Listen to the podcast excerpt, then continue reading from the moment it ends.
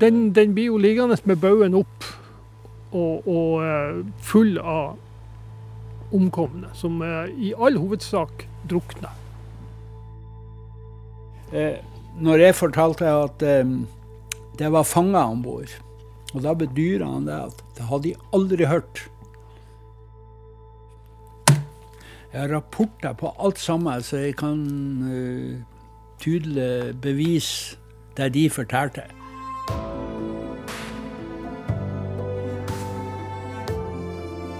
Den 27. november 1944 bombes frakteskipet Rigel ved Sandnessjøen i Nordland.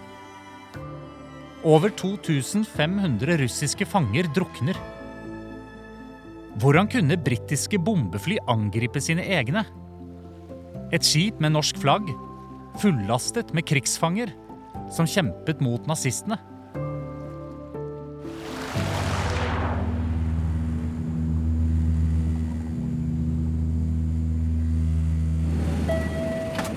Velkommen til Sandnessjøen. Takk. Det regner på torget i Sandnessjøen. Skipet Rigel. Da sier jeg et skip Det har druknet, holdt jeg på å si. Ble torpedert av Nei, jeg ble skutt ned et fly. Amerikanere. Jeg er på bærtur nå. Ingen aning. Aldri hørt før. Hvis jeg sier skipet Rigel, hva forbinder du med det? krig. Og så vet jeg at bestefaren min var og så på når de faktisk eh, bomba det du kan jo gå og høre med han. Det noe. Hva er det, da? I bilen her? Det er faderen min. Ja, er det det, ja? Det er en hvit varebil her som står midt i Sandnessjøen. Hei. Jeg fikk beskjed av sønnen din om å komme bort til deg. Ok. Ja, eh, Var det sånn at faren din så når eh, Rigel ble bombet? Ja, stemmer det. Da han fortalte, han kjørte, han var jo drosjesjåfør. Og da så han flyene komme innover. Og han sprang ut av bilen og la seg liksom bak en palle der borte og så at hele, altså hele happeningen. Han syntes det var fryktelig. Så eh, Vi har jo en eh, han Karlsen på Søvik. Han har jo skrevet ei bok Ja. om den. Nå er vi altså ved foten av de fjellkjeden De syv søstre, som vi ikke ser i dag pga. Veldig tåke. tåke og skyer. ja. Nå er du i bilen til Trond Karlsen. Nå Regner er- det lett? Ja, så regner det lett. Så nå kjører vi altså gjennom et lite tettsted som heter Søvik. Og der står det en og fisker. Der står det en og fisker. Trond er pensjonert historielærer, har grått hår og svarte, runde briller. Og til Kjøtta er det jo fra Sandnessjøen ca. fire mil. Vi skal til Kjøtta for å se stedet der Rigel ble bombet i 1944. Og du har jo skrevet en bok om Rigel, og hvorfor er du så interessert i det forliset der? Det gjorde jeg, og rett og slett pga. at det var egentlig ganske overraska at den, den, den tragedien var så lite kjent. Det er jo, det er jo faktisk en av verdens, eh, verdens største skipskatastrofer eh, noensinne i, i forhold til Altså når det gjelder folk som omkom. Etter, etter hvert så ble det jo som en besettelse. Hva var årsaken til for- forliset? Hvordan kunne denne katastrofen skje?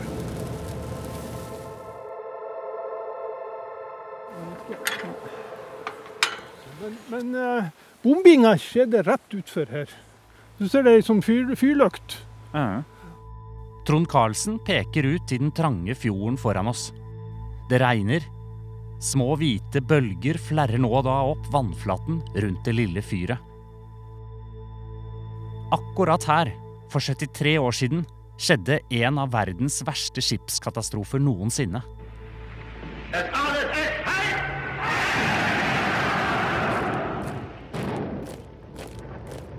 Året er 1944. Norge er i krig.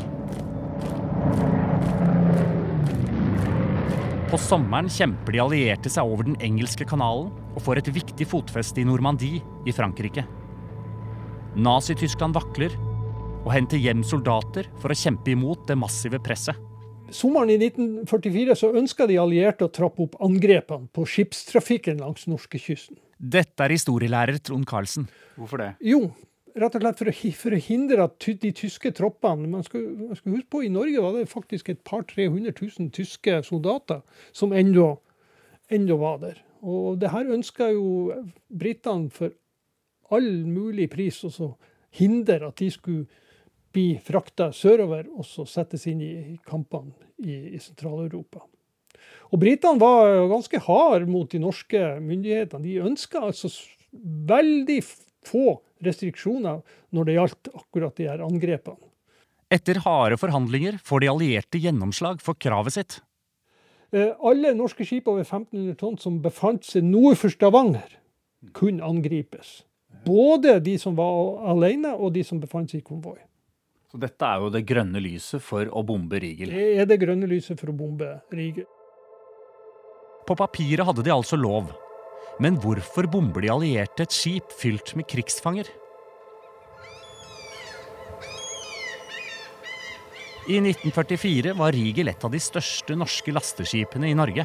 382 fot, eh, ganske nøyaktig. Omtrent så lang som eh, hurtigruteskipet Vestrå er i dag.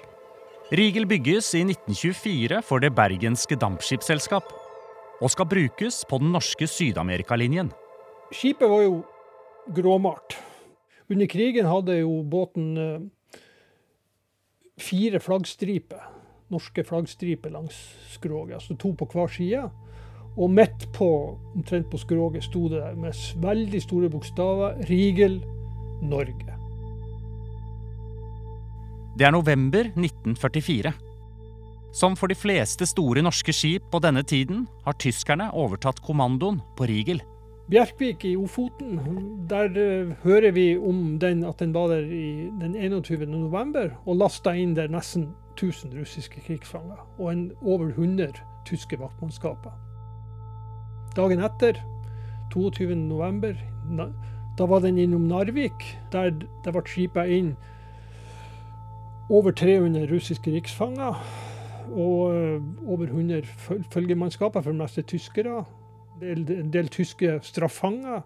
Tyskere som hadde egentlig for det meste gjort seg skyld i desertering. Ja. Dessuten tok de åtte nordmenn.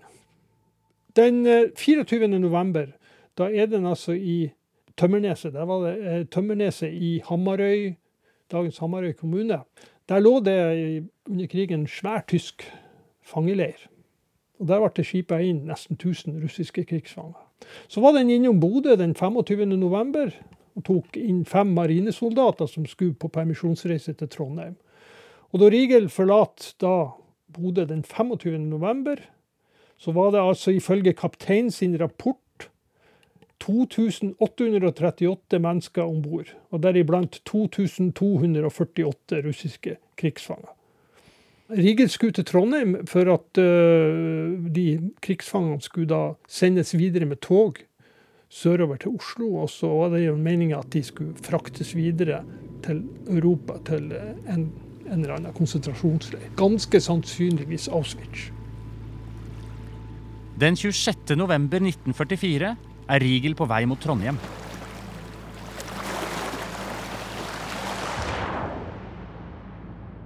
Så får kapteinen beskjed om at de alliertes observasjonsfly er i nærheten. Han velger da å gjemme Rigel inne i en av de mange fjordene rundt Sandnessjøen. Tilfeldigvis inne ved brygga til fire år gamle Finn Karsteinsen. Ja, her blir jo fjorden inn til Øresvik. Nå står vi altså på en brygge. Og her kom eh, skipet Rigel seilende inn en novemberdag i 44. Jeg heter Finn Karstensen og jeg er fra Øresvik. En liten bro over på flytebryggen her. Hun hadde en, en gråfarge, hun var malergrå, mener jeg. Og, og, at vi så mannskapet som gikk opp på dekket der og, og sånn der. Offiser eller, eller soldater da, som hadde med seg. Alle var jo spent på det her om de kunne komme seg om bord og få tobakk, iallfall hos tysken. For det var jo en, en mangelvare her bestandig. det var det det var mest snakk om. Og Hvor står du hen når du ser Rigel? Da, står jeg, da står jeg i vinduet hjemme og ser han. Første gangen jeg ser han, men så drar jeg jo ned.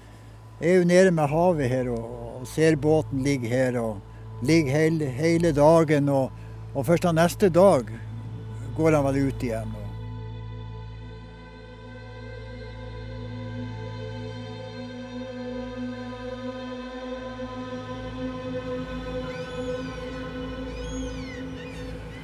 Eh, om formiddagen den 27.11.1944 så, så har Rigel kommet seg forbi Sandnessjøen og ligger opp ankra på Hamnesleira i, i den retninga der. Tilbake på Kjøtta, syd for Sandnessjøen. Historielærer Trond Karlsen peker ut i fjorden. Så får de altså på formiddagen se to observasjonsfly. Og de aner jo at de er vel antagelig ikke alene, de her flyene. Så de, de hever ankrene og setter konvoien i bevegelse sørover. Når de kommer omtrent rett utfor her vi nå står, så dukker det plutselig opp noen og tyve fly kom inn fra havet over Kjøttalandet.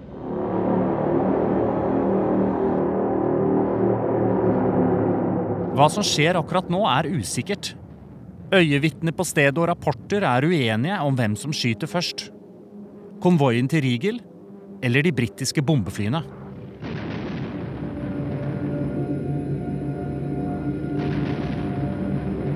Straks etterpå så er helvete løs. Altså, da, da skyter de mot, skyter flyene mot, mot båtene, og katastrofen er på en måte i gang. Rett utfor her. Rett utfor her. Rigel blir jo fort truffet av ei bombe. Og det er altså over 2800 eh, fanga mannskap om bord. Og da, når bomba treffer, så eh, detter jo eh, Og de har bygd opp sånn stillas etasjer nede i lasterommet der fang, fangene ligger, som sild i tønne, attmed hverandre.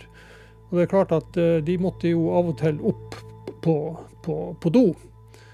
Men den trappa der, den, det, da den første bomba treffer, så raser jo hele dekkene og hele den trappa ned. Sånn at de ble fanga i, i ei rottefelle, alle all fangene. Bomba gikk, og så gikk hun gjennom skroget, og så begynner, begynner båten å ta inn vann. Og den begynner å søkke.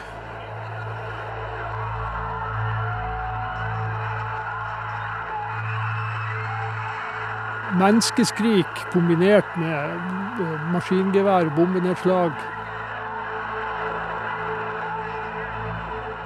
Når den andre bomba falt, så var det akkurat som en brun strøm av russerfanger som, som hoppa på havet. Og, og, og prøve så, så skal klare å berge seg ved å svømme i land. Båten hadde såpass fart at uh, kapteinen på Rigel fikk stille roret, sånn at de, de til slutt så havna de, gikk de på grunn inn mot Rosøya på andre sida her. Og så sank bakenden ned, sånn at baugen bare til slutt vistes. Baugen også den formasta.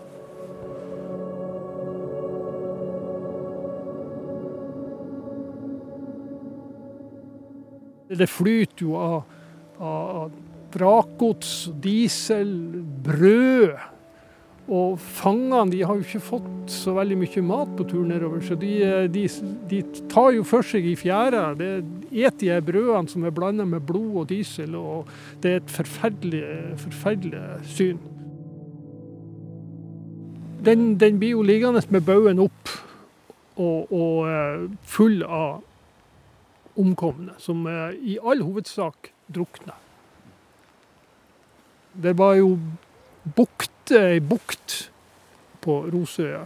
Den er full av etter hvert det blir full av lik som driver i land, og, og bare ligger der. og Flere hundre lik. Etter hvert så kommer det jo så kommer det jo båter til som skal prøve også å hjelpe. Men det var jo et kaos uten like. Hvordan var det å hilse på kongen? Det var veldig skøy. Det var Der er det bilde av dere to, ja. Ja, jeg og dattera og så er det ja. Nå er du hjemme hos Steinbjørn. Han fikk kongens fortjenestemedalje sølv for sin innsats som lokalhistoriker. Her skal du få sånn noe interessant.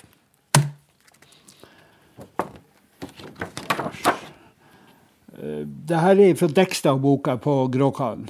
Jeg heter Steinbjørn Menzoni, og jeg var elleve år når Rigel ble skjenka. Ja. Og eh, far min han heter Carl Menzoni, og han var da kokk og stuert om bord på Gråkallen. Det her er fra Dekstad-boka på Gråkallen. Og så kommer mandag den 27. Det er jo den som er interessant. Berget sårede fra Rigel som var i brann og halvt nedsunket. Tok om bord av sårede ca. 22 mann og ett lik. Gikk eh, til Sandnessjøen hvor vi ankom klokka 16, og anbrakt dem på sykehuset. Og skipet rengjort for blod og lignende. Den dagen, 27. november, da var jo vi på skole. Og, eh, men når det var flyalarm, så nytta det ikke å rope at læreren ropte at vi måtte sprenge i bomberommet. Sånn. Vi sprang ut, vi. Vi skulle se på flyene. Og, liksom, og da eh, kom jeg nedover på kaia og skulle ta imot Gråkan, for jeg så jo han kom inn da. Faren din? Faren min, ja. ja. Og, eh, og så sto han og gjorde sånn til meg og vinka liksom, jeg måtte komme vekk. Men, men det forsto vi ikke, så vi gikk jo ned på kaia og så. Sårede, skadd på forskjellig vis. Vi så blod, og vi så, vi så mye tragiske ting om bord.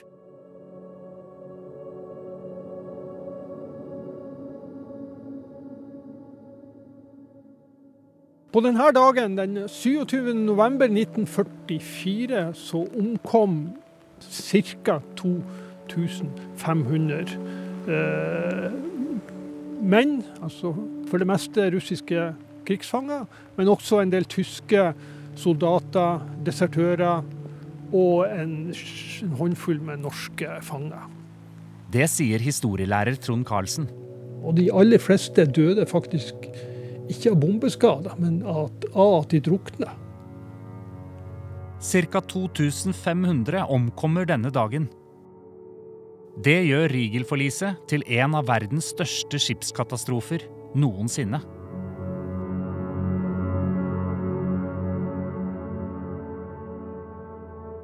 I dagene etter, etter Rigel-forliset og bombinga, så rakte jo i land en hel masse lik. Og det samla de opp i dunger, og så tok de de om bord i, i lektere. Og så, og så for de ut på fjorden og bare droppa de rett, rett ned. Og mange lik fløt jo opp i årevis og drev i land eh, etter, etter krigen. Men Trond, hvordan kunne denne katastrofen skje? Ja, det er jo et veldig vesentlig spørsmål. Det er jo engelske soldater og engelske, engelske flygere da, som bomber. Det er det jo ingen usikkerhet om. Altså. Men, eh, så det er jo spørsmål om Visste de ikke de bomba?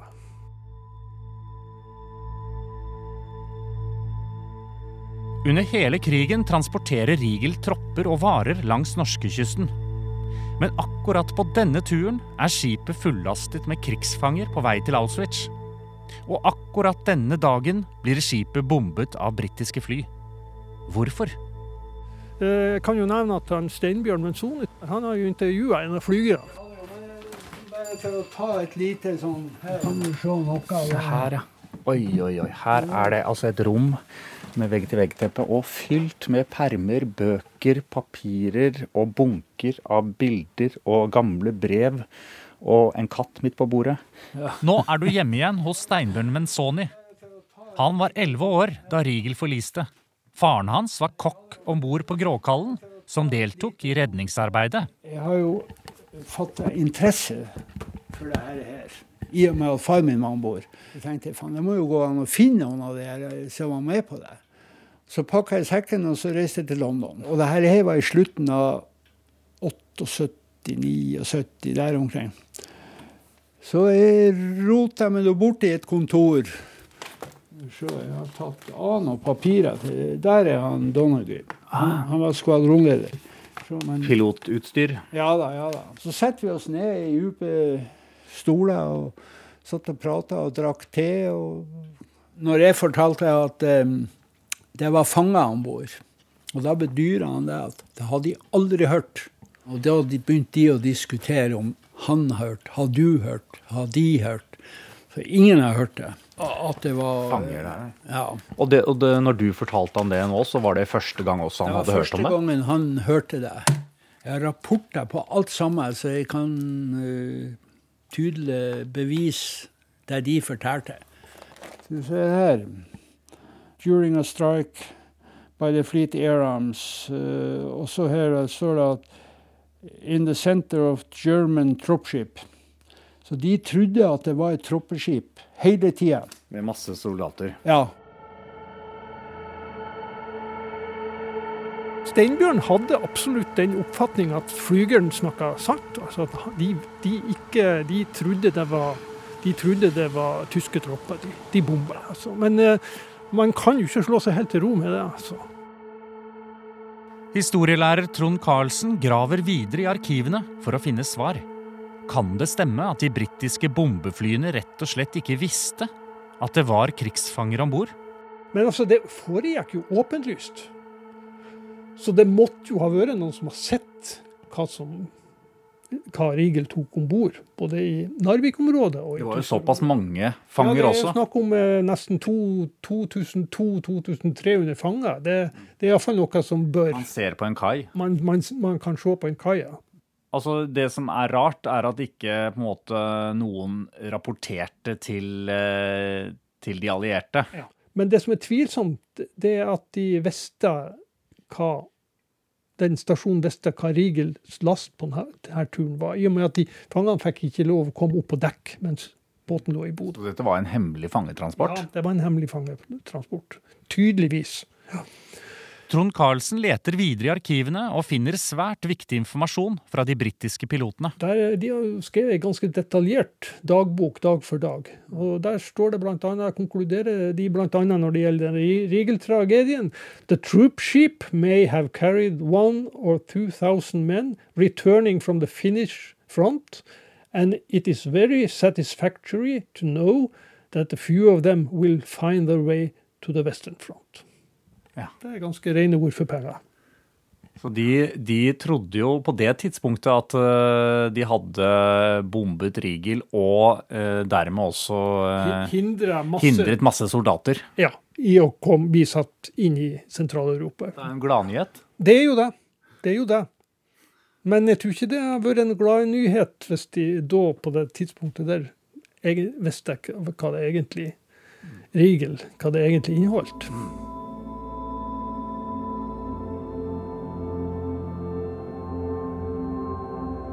Hva er det igjen av Rigel i dag? Finnes det noe på bunnen der, eller hva, hva Ja da, finnes? Det finnes mye av Rigel igjen i dag.